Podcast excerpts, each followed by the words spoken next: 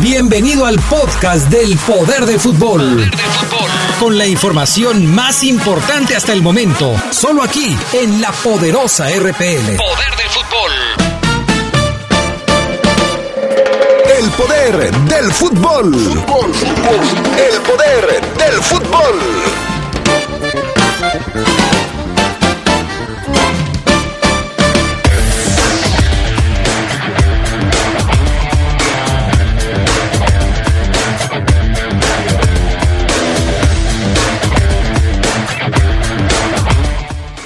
Iván Rodríguez se dice listo para regresar si Nacho Ambriz lo quiere poner el sábado frente a Monterrey. Jimmy Lozano ya tiene su lista preolímpica para los partidos de la selección mexicana. Marco Fabián jugará en Qatar para el equipo de Xavi Hernández. Esto y mucho más tendremos para ustedes esta tarde en el poder del fútbol a través de la poderosa.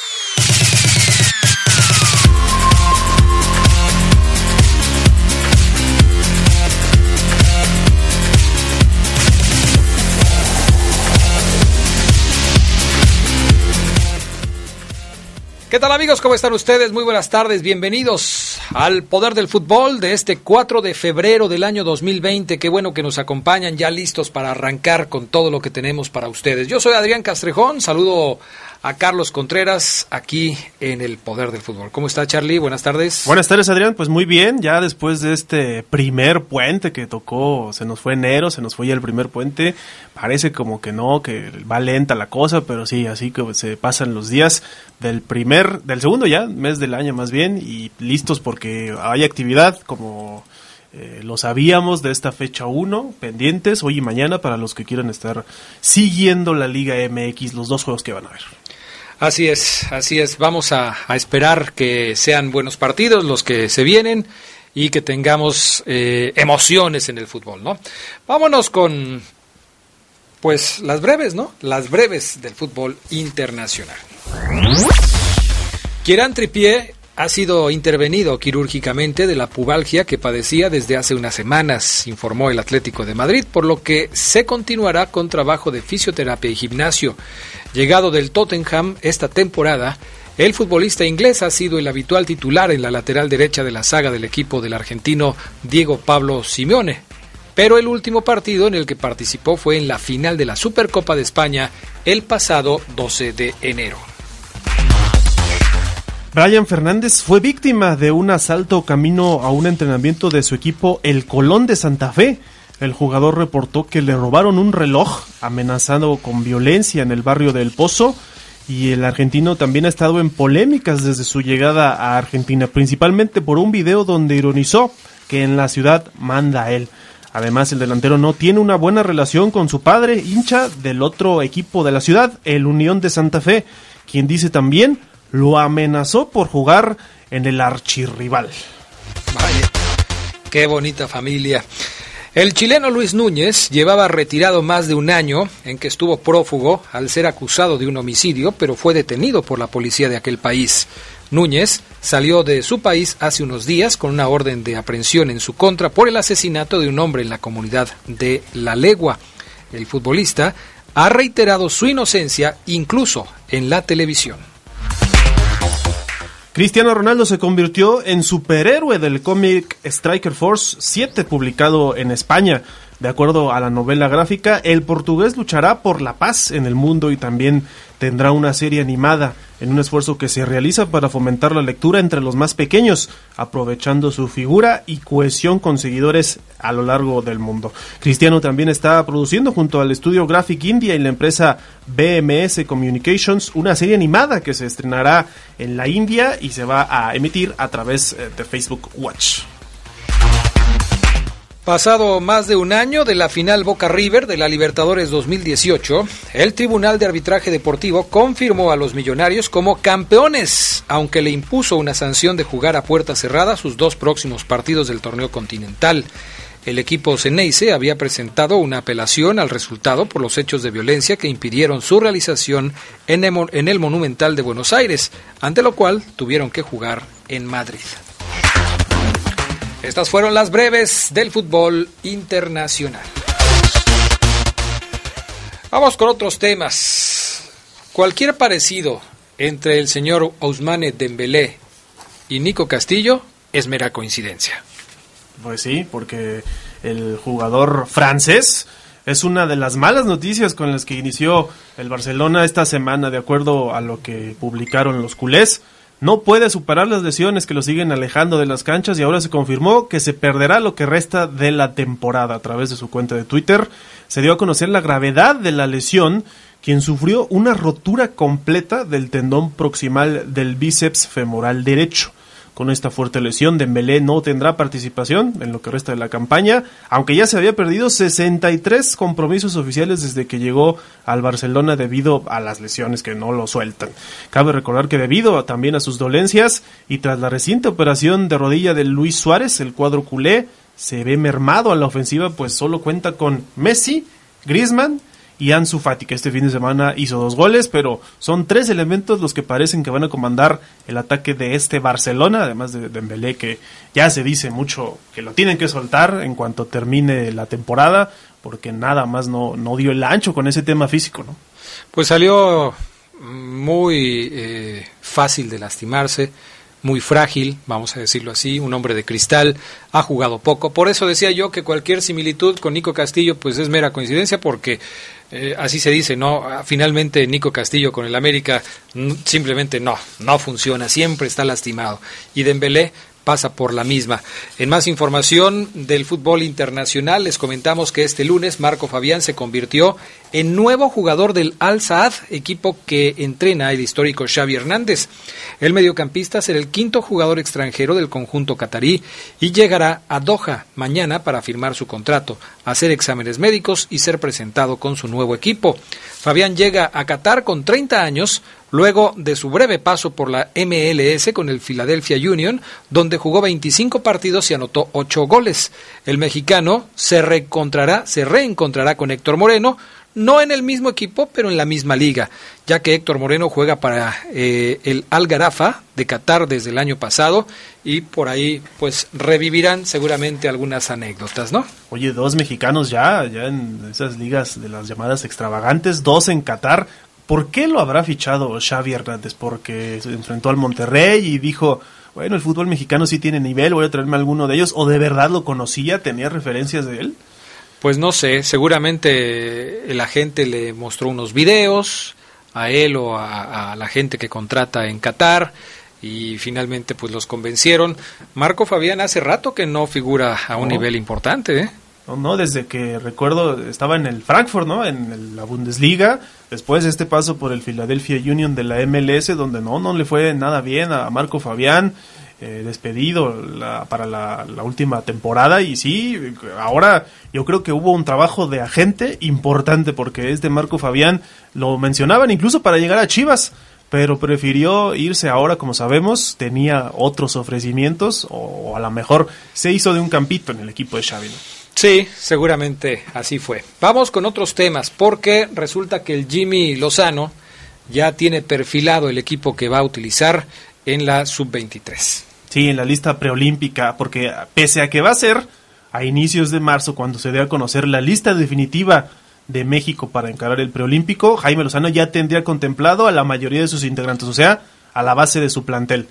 De acuerdo con Record, el Jimmy y su cuerpo técnico tienen definido un 80% de los jugadores que se enfundarán en la elástica del Tri solamente con tres o cuatro lugares donde el timonel tiene todavía algunas dudas. Ahí te va la lista, Adrián, porque tendrán que ser 23 de ellos porteros, Gudiño, Sebastián Jurado y Hernández. En la defensa aparecen seguros Alan Mozo, César el Cachorro Montes, Gilberto Sepúlveda, Francisco Venegas, Johan Vázquez, Gerardo Arteaga y Cristian Calderón.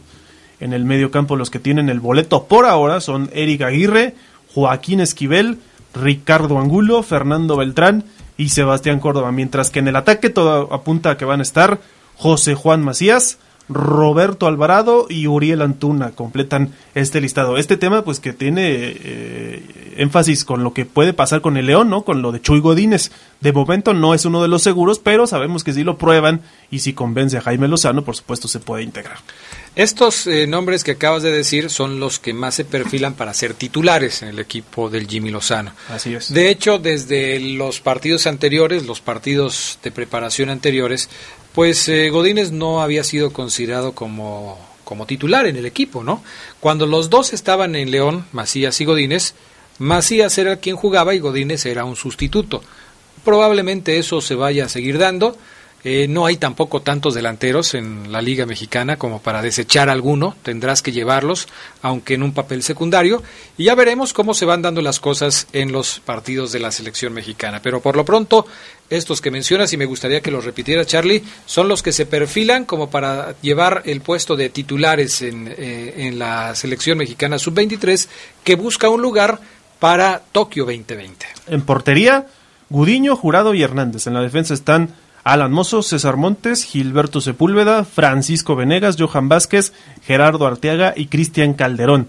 En la media, Eric Aguirre, Joaquín Esquivel, Ricardo Angulo, Fernando Beltrán y Sebastián Córdoba, mientras que los delanteros serían José Juan Macías, Roberto Alvarado y Uriel Antuna de momento, aunque vamos a ver cómo puede también reaccionar Chivas, ¿no? Porque dijo que si le convocan a varios, puede decir que no. O puede cambiar los partidos. Ya Siboldi también ha dicho lo mismo, ¿no? Quieren Sí. cambiar partidos, el, el, eh, reglamento se los permite. Si tienes, creo que son más de tres jugadores convocados, podrías cambiar el, el partido que tengas en puerta dentro de la liga y seguramente esto se va a ir por ahí. En fin, vamos a pausa y enseguida regresamos con más del poder del fútbol a través de la poderosa.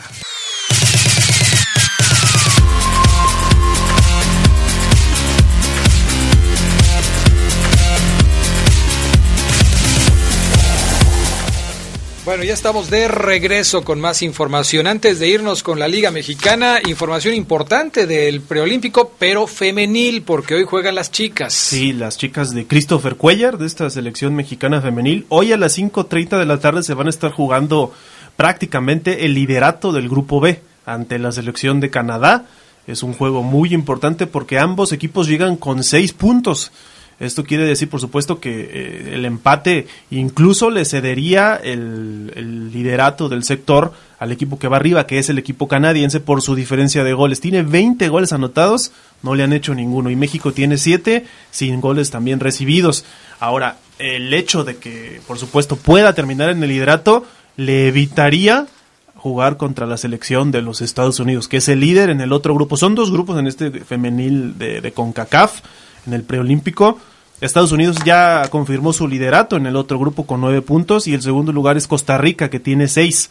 O sea, el Estados Unidos va contra el segundo del grupo B, que puede ser México si, si no gana el día de hoy. O ganando puede incluso enfrentarse a Costa Rica por el boleto para ir a Tokio 2020. Son partidos importantes en esta fase. Lo recordábamos el otro día, no tienen transmisión para que si usted quiere seguirlo, pues lo haga por supuesto a través de redes sociales. Pero la selección mexicana se juega hoy el liderato de ese. Qué raro eso de que no haya transmisiones, ¿no? Sí, sí, sí. Imagínate, si fuera de varones, seguramente lo tendría. Sí, qué barbaridad. Bueno, pero también antes se transmitían los partidos de las chicas, no sé por qué ahora finalmente no, no se estén transmitiendo. Pero bueno, así están las cosas. Vámonos con la Liga MX. Muchas críticas recibió el portero de Cruz Azul, JJ Corona, José de Jesús Corona, el pasado fin de semana, por el tercer gol que le robó el triunfo al equipo de la máquina, un disparo lejano de Leo Fernández que se le coló a, a JJ Corona. Ayer todavía por la noche platicábamos eh, con Gerardo Lugo y con Oribe Maciel en la edición nocturna del Poder del Fútbol acerca del error de Corona y coincidíamos todos que fue un error lamentable de Corona. La atacó mal, eh, no, no pudo quedarse con esa pelota, ni siquiera desviarla y bueno, el gol le robó el triunfo al equipo de Cruz Azul. No la Cruz Azulió la máquina, la Cruz Azulió Corona. Él solito evitó que su equipo ganara, porque además el gol caía sobre el final del partido y casi no le deja capacidad de reacción al equipo de Cruz Azul. Bueno, pues Robert Dante Siboldi salió a defender a su arquero y la titularidad que hoy ostenta en el equipo de la máquina. Para Cruz Azul, que es una institución grande, en México, considero que Jesús Corona tiene las suficientes tablas para ser y seguir siendo titular y ya llegará el momento para jurado para que tenga su oportunidad. Hay que darle tiempo al tiempo y que Corona siga por la misma línea, atajando bien, dando seguridad y no nos dejemos llevar por algún error que ha tenido. Él tiene todo para ser titular en el Cruz Azul. Son los comentarios que se han venido escuchando al respecto de eh, pues José de Jesús Corona, que la verdad eh, pues sí se equivocó el pasado fin de semana. Eh, Robert Dante Siboldi habló de este tema y pues eh, dice vamos a analizarlo una semana más, veremos qué es lo mejor para el equipo, pero eh, todo parece indicar que no va a cambiar de portero, que seguirá siendo eh, Corona el, arquero titular, aunque ya jurado tuvo minutos, jugó el partido completo con la sub-20 de Cruz Azul el pasado fin de semana. El plan de Siboldi, dice él, es llevarlo con calma, paso a paso. Primero, eh, que se muestre, tenga minutos en la Liga de Campeones de CONCACAF, para ver cómo se desenvuelve, por supuesto. Aunque sabemos que Corona pues es un arquero veterano, ya muchos exigían su, su salida de la titularidad de esta máquina. Y, la verdad es que yo sí, yo soy de esos partidarios de que si llevaste a un arquero joven eh, que ha tenido buenas actuaciones con otros equipos como Veracruz, pues lo pongas, ¿no? Si no, el joven va a tener lo está bloqueando otro portero de mayor experiencia, que ya sabemos lo que tiene, pero si Jurado está ahí, pues ponlo a jugar, ¿no? Tarde o temprano se va a dar esta situación. No sé si Corona eh, aguante ser el suplente en Cruz Azul, pero eh, pues Corona ya está pidiendo su oportunidad, ¿no? Él llegó de Veracruz convertido en la figura, en la única figura del Veracruz. Eh, todo el mundo recuerda cada partido que terminaba Veracruz y jurado que terminaba llorando porque no había ganado en la liga. Y, bueno, pues ahora se espera que finalmente tenga los minutos que requiere para poder demostrar sus capacidades. Vamos con otro tema, porque el Piojo, ¿tienes ahí alguna? Sí, la de Chivas. Ah, bueno, entonces vamos con Chivas primero. Sí, porque a Mauri Vergara eh, ya soltó otra de esas declaraciones al más puro estilo de su papá, en paz descanse, demostrando que quiere mantener al menos esa línea en cuanto a declaraciones, según él, su equipo no debe limitarse a dominar el fútbol mexicano, sino que debe estar entre los 10 mejores del fútbol mundial. Así lo dijo para ESPN, donde dijo que fue claro que el fracaso del Mundial de Clubes de 2018 le pegó fuerte a la institución rojiblanca, pero lo ve como un equipo top. Dice, Chivas debe verse como un equipo top 10 del mundo, debe estar entre ellos y mientras más arriba, mejor hay una espinita importante en el tema del Mundial de Clubes, eso nos deja un compromiso mayor de regresar para poner en alto el nombre de Chivas y de México. Bueno, ahí está la declaración que vuelve a causar o a recordarnos un poquito a lo que fue Jorge Vergara, ¿no? Con ese, eh, pues ese estilo de declaraciones. Y de hecho él también lo, lo retoma y dice, lo que mi padre logró es algo sin precedentes. Mi padre logró posicionar a Chivas en el mundo como una marca, como un club de historias, bueno, recordando un poquito el legado que quiere continuar también. Sí, sí. Chivas ya era un equipo importante en México, ha sido siempre uno de los equipos más taquilleros, pero lo que dice él de convertir a Chivas en una marca es la otra cara de la moneda, es decir, ahí Chivas ya no es solamente un equipo de fútbol que busca un título y, y, trata de levantar una copa cada final de un torneo, sino que se ha convertido en una marca que genera mucho dinero y que por supuesto esto eh, eh, también es parte del negocio del fútbol. Y, y, sí se lo debe en gran parte a Jorge Vergara, empresario con esa visión 100%. Eso es, lo, eso es lo que consiguió Jorge Vergara para mi punto de vista. Bueno, a propósito de las Chivas, buenas noticias para el rebaño porque JJ Macías ya regresó al trabajo, ayer trabajó con el resto del equipo, lo hizo de manera normal, ya no tiene problemas y se dice que podría regresar para enfrentar a los Tigres el fin de semana en el Volcán el próximo 8 de febrero, partido que por cierto tendremos a través de la poderosa Tigres contra Chivas, podría darse el regreso de JJ Macías a la titularidad con el equipo del rebaño después de aquella lesión que sufrió en el juego de la Copa MX frente a los Dorados de Sinaloa. Vamos con el América, porque la expulsión de Jorge Sánchez el pasado fin de semana le traerá consecuencias al joven de las Águilas del América. El Piojo parece no estar dispuesto a seguir fomentando y perdonando errores de sus jugadores que le cuestan partidos. Sí, ya lo va a tomar contra Jorge Sánchez, el lateral mexicano que está sufriendo con las Águilas y luego de haber sido uno de los villanos de la final contra Monterrey, que ese error se le sumó este del fin de semana contra Bravos de Ciudad Juárez, pues ya se van a tomar cartas en el asunto. Una expulsión infantil dejó a su equipo cuesta arriba cuando ni siquiera se habían cumplido dos minutos y el Piojo ya está listando este castigo, no volvería a la titularidad de forma inmediata tras cumplir su sanción, su sanción pertinente de un juego. El torneo pasado contra Cruz Azul también falló y ya van varias que se le juntan en una etapa donde también ha demostrado desconcentración porque va a ser padre por primera vez. Esa es una etapa que pues que no, no se había difundido tanto. Y es la otra cara de la moneda porque Sebastián Córdoba, quien recuperó la confianza del entrenador, este martes va a ser titular contra el Puebla en uno de los juegos pendientes que comentábamos, luego de que hablaron con él y le pidieron máxima concentración. A ver, esto de Jorge Sánchez, Adrián, eh, error, te quita la titularidad, porque hay otros jugadores en el mismo América que también se han equivocado. A lo mejor no tan notoriamente, pero sí se ha dado este caso y ahora yo me llama la atención que la tome contra Jorge Sánchez, porque además, pues a quién va a poner en ese, en ese lugar. Pero con alguien, tiene, con alguien tiene que empezar, ¿no? Con alguien tiene que empezar a poner orden, a que los jugadores estén más concentrados. Fuentes hizo el gol del América en el pasado fin de semana. A lo mejor será el sustituto natural para que Sánchez se vaya a descansar y Fuentes empiece a tener minutos. Ya veremos. Pero en algún momento se tiene que empezar a poner orden y creo que el Piojo pues se ha dado cuenta que hay ciertas indisciplinas o faltas de concentración, porque tampoco creo que, que Sánchez haya ido deliberadamente a, a pegarle un golpe al rival para hacerse expulsar, no, pues, estaba arrancando el partido. Pero sí te exige estar más concentrado, saber qué vas a hacer, saber los momentos del partido, saber dónde vas a, disputar una pelota y tratar de no cometer un error que le puede perjudicar a tu equipo. Eso seguramente sucederá. Ya veremos qué es lo que pasa. Pero es un poco lo que pasa si no la aplicabas antes, bueno, la gente se pone, se cuestiona, ¿no? Como lo que pasaba con la ley Ambris que a partir de cuándo se empezó a implementar y que por qué con unos sí que con otros no. Bueno, por eso se suelta esta polémica. El América, por cierto, lo comentábamos, hoy juega en cancha del Puebla, un juego pendiente de la fecha 1 a las 8.30 de la noche. Va a haber transmisión en, televisión abierta para que lo sigan. El otro encuentro pendiente es el día de mañana entre los Rayos del Necaxa y los Rayados del Monterrey, que van a tener juego entonces miércoles y sábado, los dos en el Bajío y acaban de jugar la semana pasada, ¿qué fue? ¿El partido de Monterrey fue el sábado? contra, Querétaro, que, perdieron. Entonces jugaron sábado contra Querétaro y perdieron.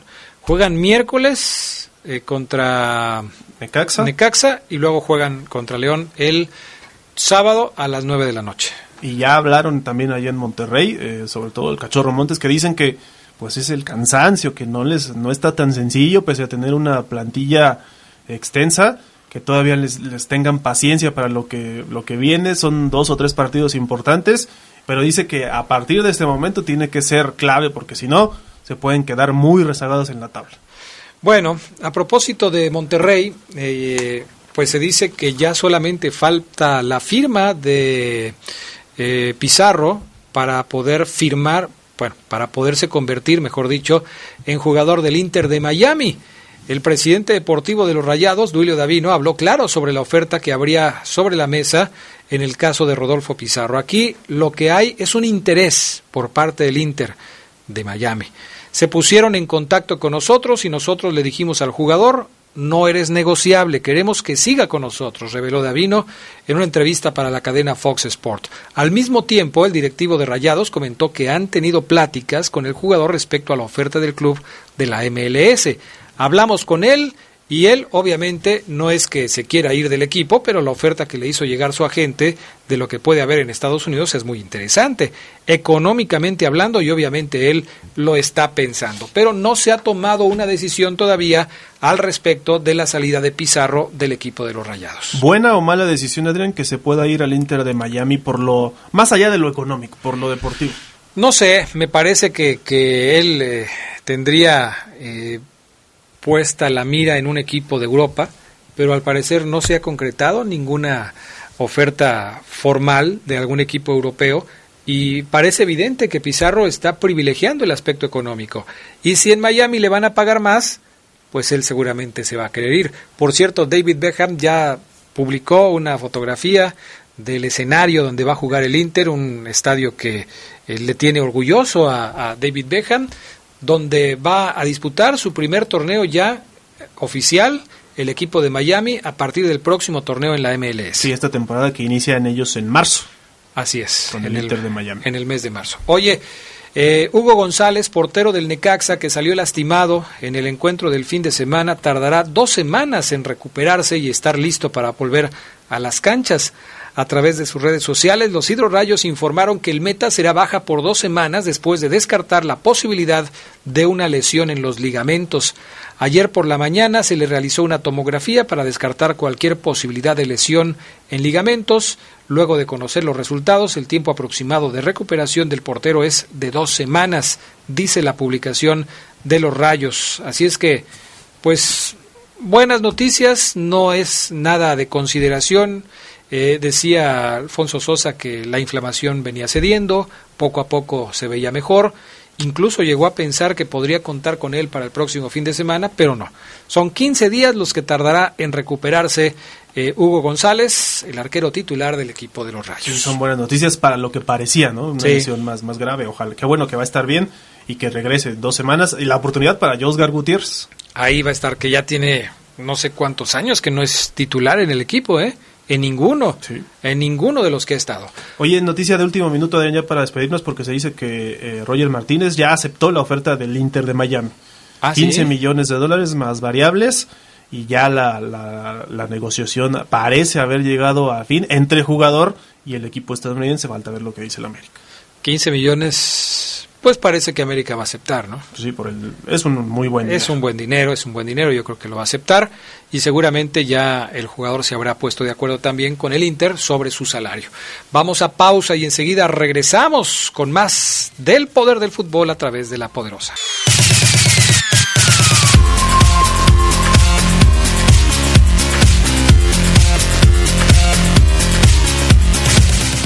Bueno, ya estamos de regreso y le damos la bienvenida a la Universidad Franciscana que regresa al patrocinio de la sección del Reporte Esmeralda para tenerles informados de todo lo que está sucediendo con el equipo de los Verdes. Gracias a la Universidad Franciscana por la confianza.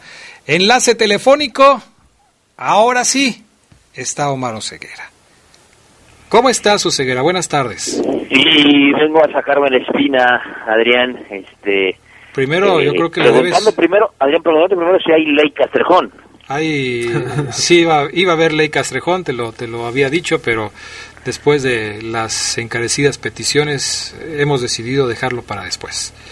Oye, eh, a quien sí le tienes que ofrecer una disculpa es al público del Poder del Fútbol, porque yo ayer te anuncié y nada, y nada, y nada. Y aquí la gente en lo que yo estaba peleándome con todo mundo, este, me atiborraba con mensajes, ¿dónde está Oseguera? ¿Dónde está Oseguera?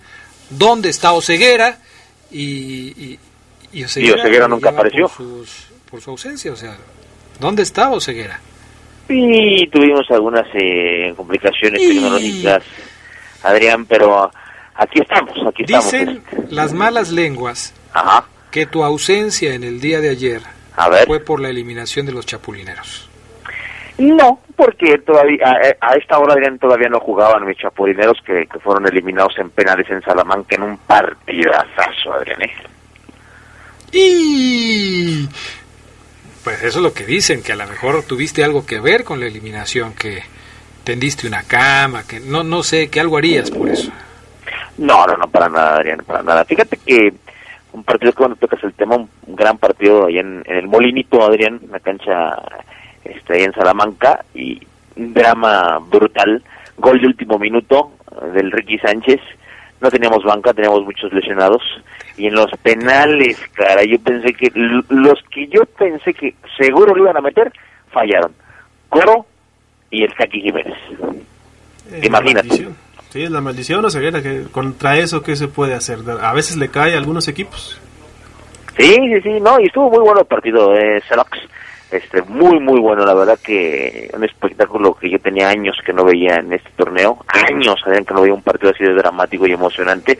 Pero bueno hay que darle la vuelta a la página de bueno ya será para la próxima mi estimado Maro sí, ya, ya, veremos cómo hacemos digo cómo eh, en qué otros torneos participamos. Sí, porque es lo que te iba a preguntar, ¿cuántos minutos tuviste?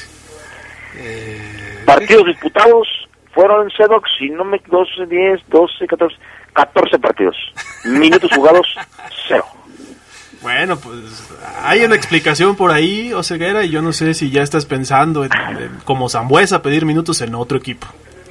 Y no me da, no me da contrario, eso me motiva para seguir, para seguir trabajando Sedox y buscar mi debut pronto, ¿eh? La de cajón, qué bueno que lo tomes así. Así es. Estimado Maro Ceguera, hoy eh, apareció Iván Rodríguez en la rueda de prensa, en la atención a medios. Eh, Iván Rodríguez que de inmediato le llegó a, eh, su nombre a la cabeza a la gente en cuanto se le disparó la tarjeta roja a Pedro Aquino. Eh, eh, en, en, automático todo el mundo pensó, ¿dónde está Iván Rodríguez? ¿Dónde está Iván Rodríguez? ¿Puede jugar Iván Rodríguez? ¿No puede jugar? ¿Ya se terminó de recuperar? ¿Ya está al 100%? Hoy habló Iván Rodríguez. ¿Qué fue lo que dijo al respecto de este tema? Sí, fíjate, Adrián, que es un, eh, es un tema muy, muy interesante que seguramente tocaremos, eh, o se tocará en el Poder del Fútbol toda la semana. porque porque evidentemente coincido contigo, expulsan a Pedro, ah, bueno, tranquilos, ahí está Iván, pues tranquilos entre comillas, ¿por qué amigos del poder del fútbol? Porque Adrián, Iván hoy declara que está listo, ahorita lo vamos a escuchar, si ya está ahí listo el primer audio de Sabanero, vamos a escuchar donde dice que está listo para jugar pana, porque él puede decir, y lo dijo, que tiene la confianza para jugar ya ante el campeón, el campeón Monterrey, que sí, no ha ganado, mañana tiene partido de la jornada 1, vendrá cansadón el equipo del turco Mohamed, pero es el campeón Adrián. Mañana juega, ¿eh? Contra Necaxa. Pero, eh, con la pelota, Adrián, no, Iván no trae ritmo. ¿Qué dice el librito Adrián Castrejón cuando un jugador estuvo lesionado casi tres meses? ¿Qué dice? El librito de Ambriz dice, primero va a la sub-20, cuando yo lo vea bien, cuando termine un partido, cuando esté físicamente apto, puede regresar a las canchas en el primer equipo. Y como suplente, ¿no? Y como suplente. Es correcto, compañeros. Entonces, eso dice el librito, eso es lo que yo creo va a pasar. No creo que inicio Iván, sería para mí muy riesgoso ponerlo de inicio contra Monterrey. Pero él dice esto, estoy listo para jugar. Si Ambriz me dice, porque Ambriz le va a preguntar, compañeros, oye Iván, ¿cómo, cómo estás? Te, te pongo contra Monterrey, él le va a decir que sí, Adrián. Escuchen a Iván Rodríguez. Sí, creo que más que nada es, es lo que dice, ¿no? La confianza que, que tengo ahorita eh, me hace este, saber que sí estoy, estoy dispuesto para, para jugar de titular. Digo, como te comento también, eh, Nacho tiene la, la, última palabra, pero estoy dispuesto a, a, luchar, a seguir trabajando y a dar todo, todo de mí en la cancha. Creo que las lesiones, eh, lo más difícil es, es, regresar y regresar al, al ritmo que, que, tenías antes, pero bueno, se va trabajando día a día, se ha estado este, trabajando, se me he esforzado mucho como para, para regresar al 100 y seguir mejorando, ¿no? Tengo que, que regresar a, a, mi nivel que, que, estaba antes. Ahí está. Uh -huh. ¿Qué harían ustedes, eh, Adrián Sedox, amigos del poder del fútbol? Omar Oseguera lo manda yo a Iván, es más, Adrián, yo lo mando a la 20. Yo no lo contemplo para Monterrey.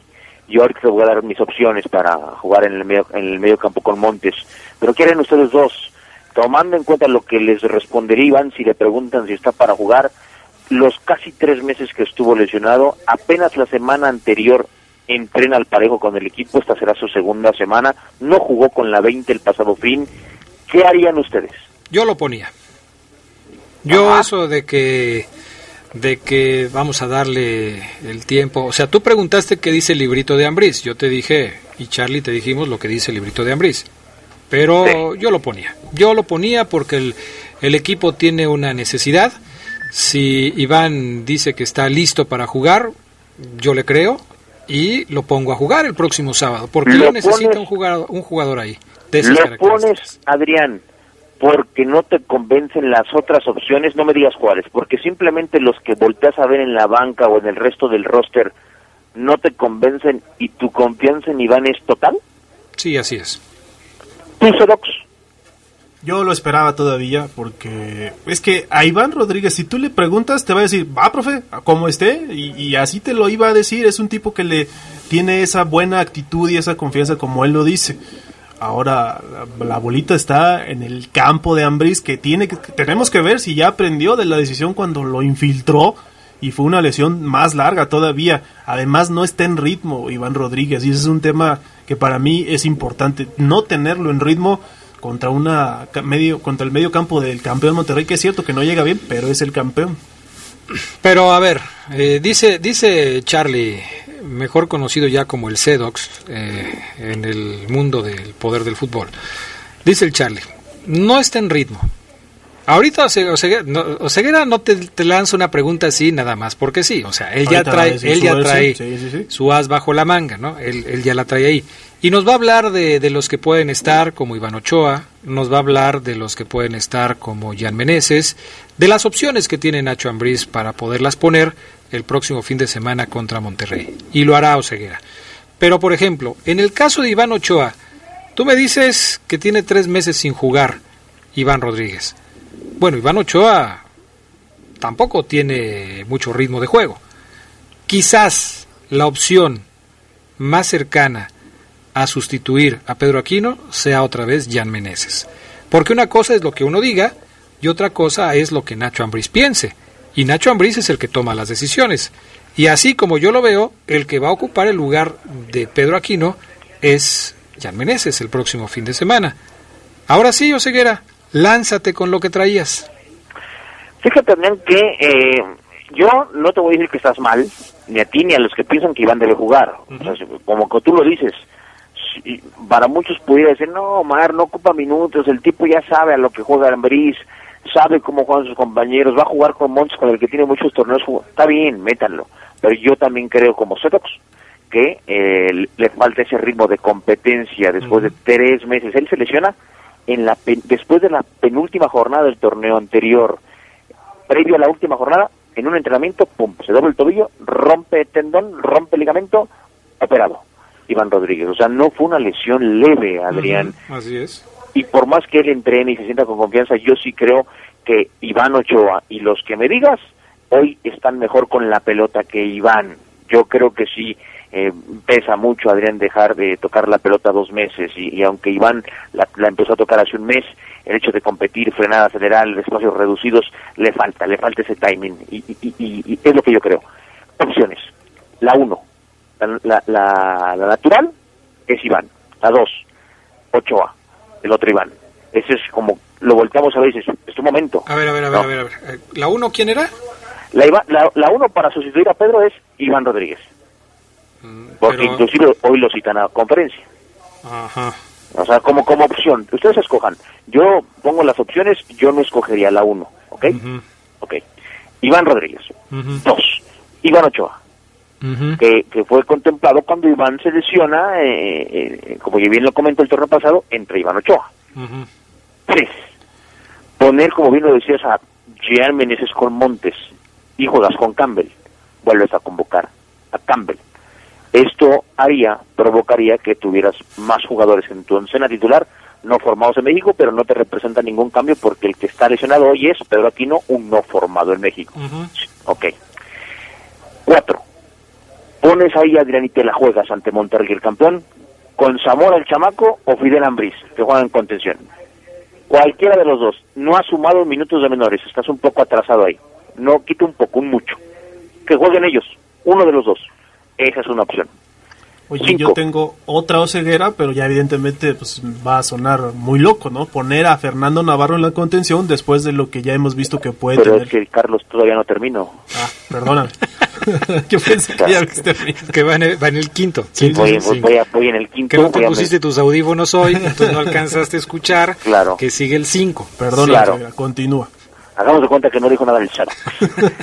Cinco. John Cardona el colombiano borradísimo ni a la banca, pero está ahí trabajando. Es una opción. Y seis, esa que Sedox menciona. Navarro a la contención y que Gil Burón, que a todos los del León dicen, no, no, no, Gil no, porque evidentemente el tipo todavía no se gana a la afición y a la confianza, pero que tiene todo el respaldo de su entrenador.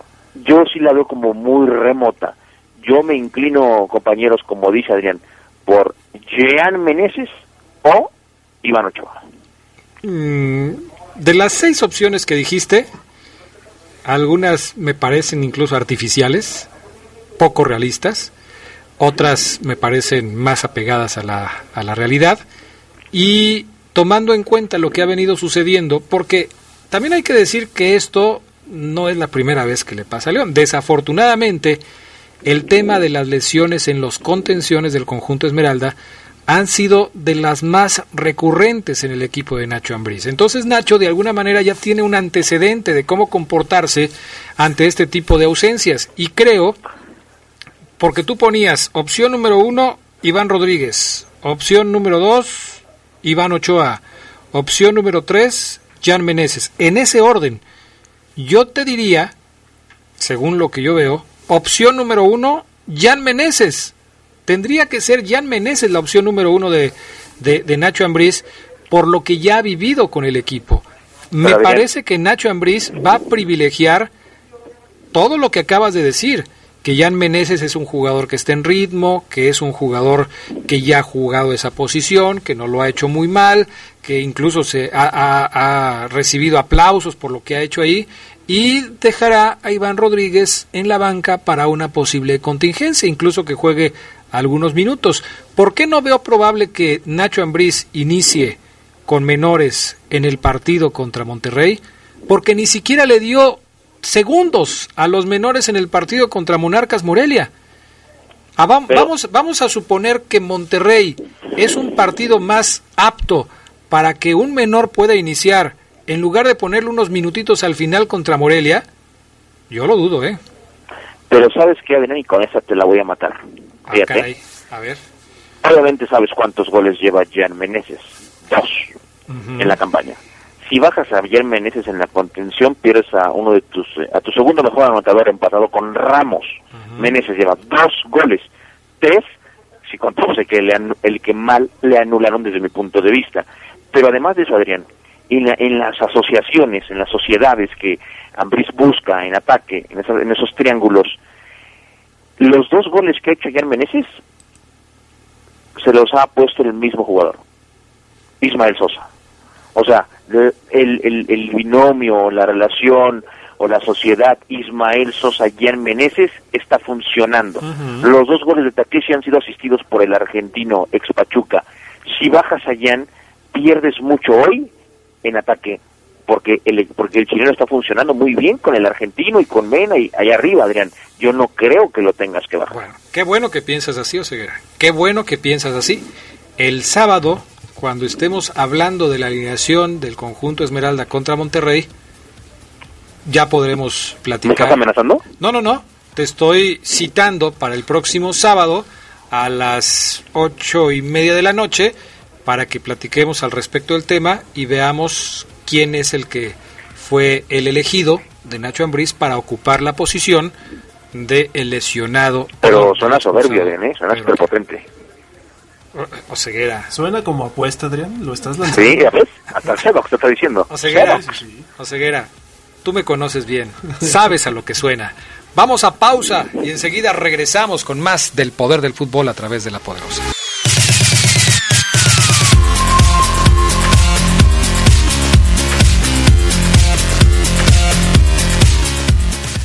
Bueno, ya estamos de regreso. Comentarios de la gente que, nos dicen aquí puntos de vista al respecto de lo de Iván. Dice Lauro Vega, por ejemplo, si la lesión del jefecito es el tobillo, yo creo que puede jugar el fin de semana. Si es del tobillo, Lauro, pero fue una lesión muy fuerte. O Ceguera lo recuerda, lo acaba de recordar hace un momento. Incluso fue hasta operado. Y Iván Rodríguez no, no fue sencilla la, la, la lesión de de Iván Rodríguez. Dice, si fuera de rodillas sería otro cuento, para mí que juegue. Sí, yo, yo estoy en la misma, pero porque ya está recuperado, no porque la lesión haya sido en el tobillo, porque fue una lesión seria. Johnny Fiera 28 dice, ojalá y le dieran algunos minutos a Iván Rodríguez, no el partido completo, pero sí unos minutos, saludos. Bueno. Adrián, vamos a escuchar este audio de la lesión, el que, habla Iván de la lesión para que la gente sepa de qué grado es, o sea, se rompió un ligamento del tobillo, audio 4, pana me siento muy, muy bien físicamente. Creo que la lesión eh, me ha ayudado mucho en, mejorar este, muchos aspectos, tanto futbolísticos como, como en persona. Pero creo que vamos muy bien en el, en el proceso, este, ya dispuesto para, para, para lo que el profe decida. Sí, sí, sí, obviamente para eso hemos estado trabajando, para tener este, ahí la, la oportunidad. Digo, el, este, el que decía el último es, es el profe Nacho pero yo estoy dispuesto, como, como siempre lo he estado, a, a dar lo mejor de mí en cada partido y si se puede este, espectacular. Bueno, pues ahí está. Es rotura de ligamento en el tobillo. O sea, no es en la rodilla, pero es en el tobillo y es un ligamento roto y por supuesto lleva tiempo recuperarse al 100%. Lo que a mí me, me, parece es que Iván ya se siente bien físicamente, falta el tema futbolístico, que, que, que como ustedes dicen, pues es importante, no, no se puede menospreciar el tema, el tema futbolístico. Adrián Cedox, amigos, si Iván juega el sábado y Adrián me lo va a restregar en la cara. No, no, no, no, no, es que entendiste mal, Ceguera. Ah, no, tú dices que juega Meneses, ¿verdad? Yo, digo que juega Meneses, o sea, yo digo, si tú me preguntas a, a quién pondría, yo te digo que yo pongo, yo pongo a Iván, pero yo no soy el técnico de León y yo estoy, yo estoy casi seguro, en un 95% seguro, que Nacho Ambriz va a decidir poner a Meneses. Sabes que el tema también va más allá, Adrián. Si, si Iván Rodríguez reaparece este sábado a las 9 contra el campeón Monterrey, que tiene para mí una de las mejores medias canchas del fútbol mexicano con tipos de muchísima calidad, Carlitos Charlie es un crack, me parece a mí. Este, va a tener primero una dura tarea, una dura competencia, una difícil misión, pero además Adrián, si en el si en el balance al final del partido, al final de los 90, supongamos que juega 70, 60 o 90, no sé, decimos cumplió Iván, no se vio tan mal. Imposible que Iván se vea en el mejor nivel que le conocemos. Eso es imposible. ¿eh? Eso no hay que ser un mago, ni hay que ser un, el, mejor analista, ni a ver. No se va, no se vería en su mejor nivel. Ok. En la competencia con Aquino, si Iván Rodríguez, al contrario, Adrián, porque también es un escenario, ¿eh? Y lo sabe él, lo sabe, lo sabe el equipo, lo sabe su papá, que nos escucha mucho. Un saludo al papá de, Iván, excelente tipo. El otro día, el torneo pasado lo saludé. Un abrazo lo saben todos, que si tiene un mal partido Iván Rodríguez Adrián, que puede ser, que viene regresando y, no anda fino y toca mal, y tiene un mal partido, lo vamos a comparar con Aquino. Y vamos a decir, cuando ya él esté con otra semanita más de trabajo y comparemos el último partido de Iván con el torneo que está teniendo Pedro, pues evidentemente va a ser quizás hasta injusto decir que Aquino hoy está jugando mucho mejor que Iván si, si tomamos como referencia este partido del sábado si es que lo juega.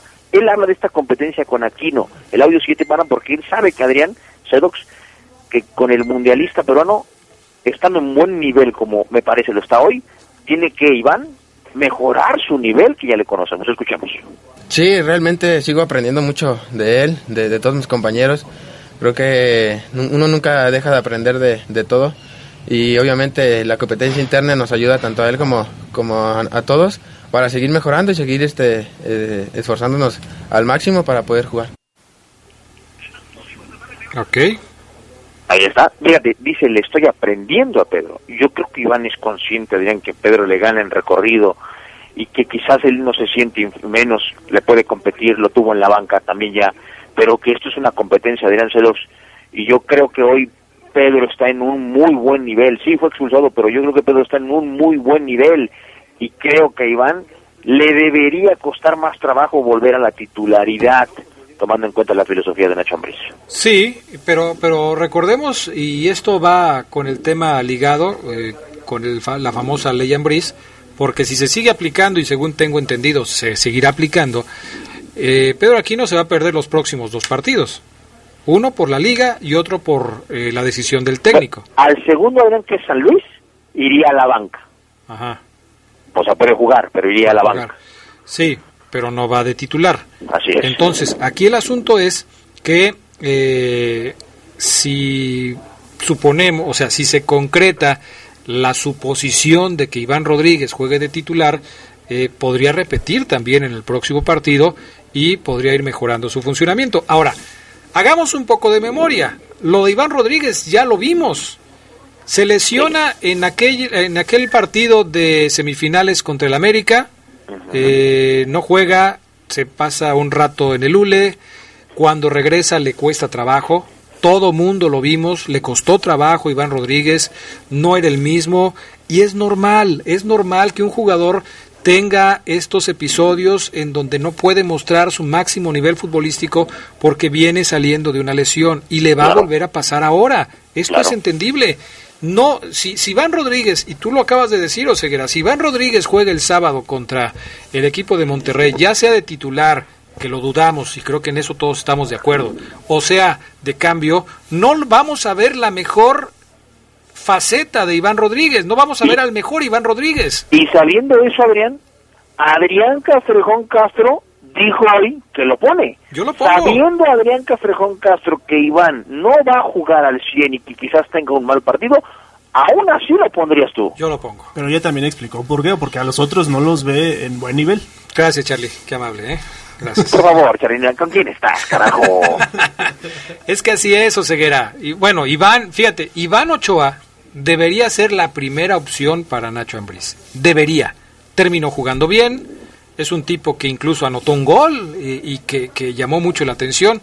Pero ¿dónde está hoy Iván Ochoa? ¿Por qué no es llevado ni a la banca Iván Ochoa, Omar Oseguera? Pues sí, estoy de acuerdo contigo, Adrián, pero para eso tienes un plantel de 23. Claro. Para los que a los que los que van a palco es ustedes van al palco, pero si los ocupan el siguiente tienen que estar y por eso entrenan, ¿no? Entonces, bueno, hoy Adrián hay que hablar de Jarbrook. Jarbrook pasó la jornada 4 y ya no se fue a otro club. No sé si el reglamento permite todavía antes de que se juegue la 5 poder cambiar de club. En México creo que ya no. No, ya no.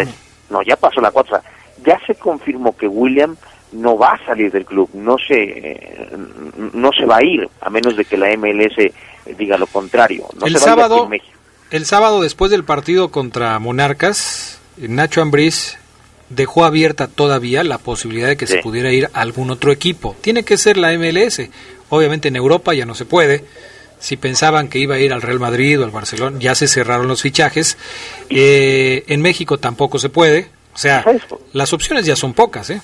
¿Sabes por qué me atrevo a decir que ya no se va a ir? Porque hace un par de semanas, o la, no, la semana anterior, eh, en una imagen que también eh, circuló en redes sociales, William, en pleno entrenamiento del equipo, espacios reducidos, en donde se supone usas cuatro porteros, porque son partes la cancha en dos canchitas, William estaba en, viendo al, al, a la femenino, a la 20, no me acuerdo, en Casa Club. Lo capturaron algunos compañeros por, y con el celular en la mano, yo lo vi.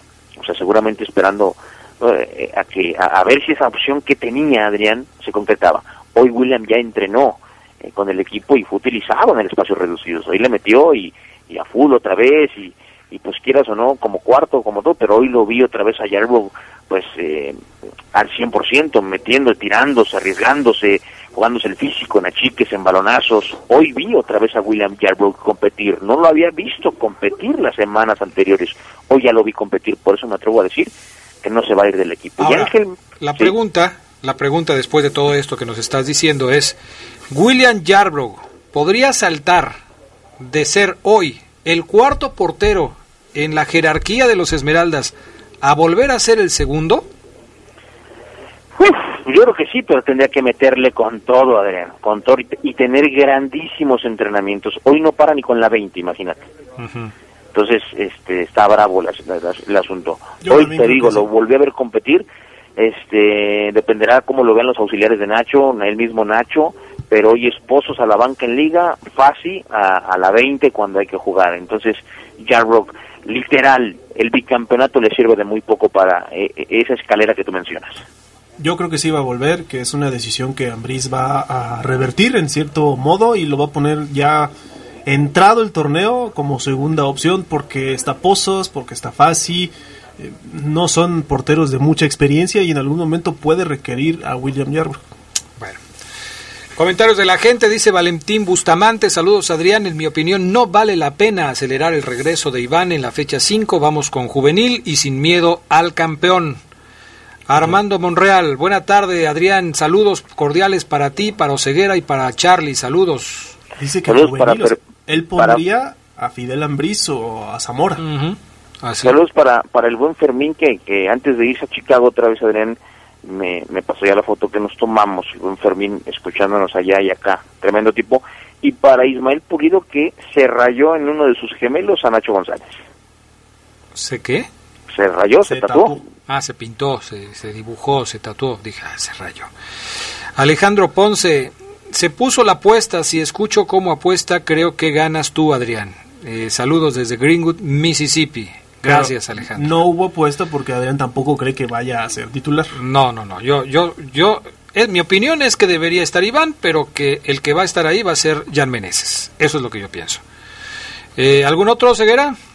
Pues nada más a ver aquí a los que se están reportando en Twitter, dice a, eh, Ade Piñón, a ver si tengo aquí su nombre, este hermano, no, no dice su nombre, dice que eh, en la condición estaría bien Navarro y Gil Budón de lateral, dice que él lo ha visto y que ese chavo trae con qué, dice. Carlos Hernández, parece que Adrián está supliendo al Fafo Luna con los comentarios desacertados. ¿Ya viste dónde, dónde anda el Fafo? Eh, no, hablé con él hace rato, pero no me dijo nada. Checa su, face, checa su Facebook, anda en otra estación de radio, que allá se quede. ¿En serio? Pero gratis, que se lo lleven, ¿eh? Ahorita lo checo.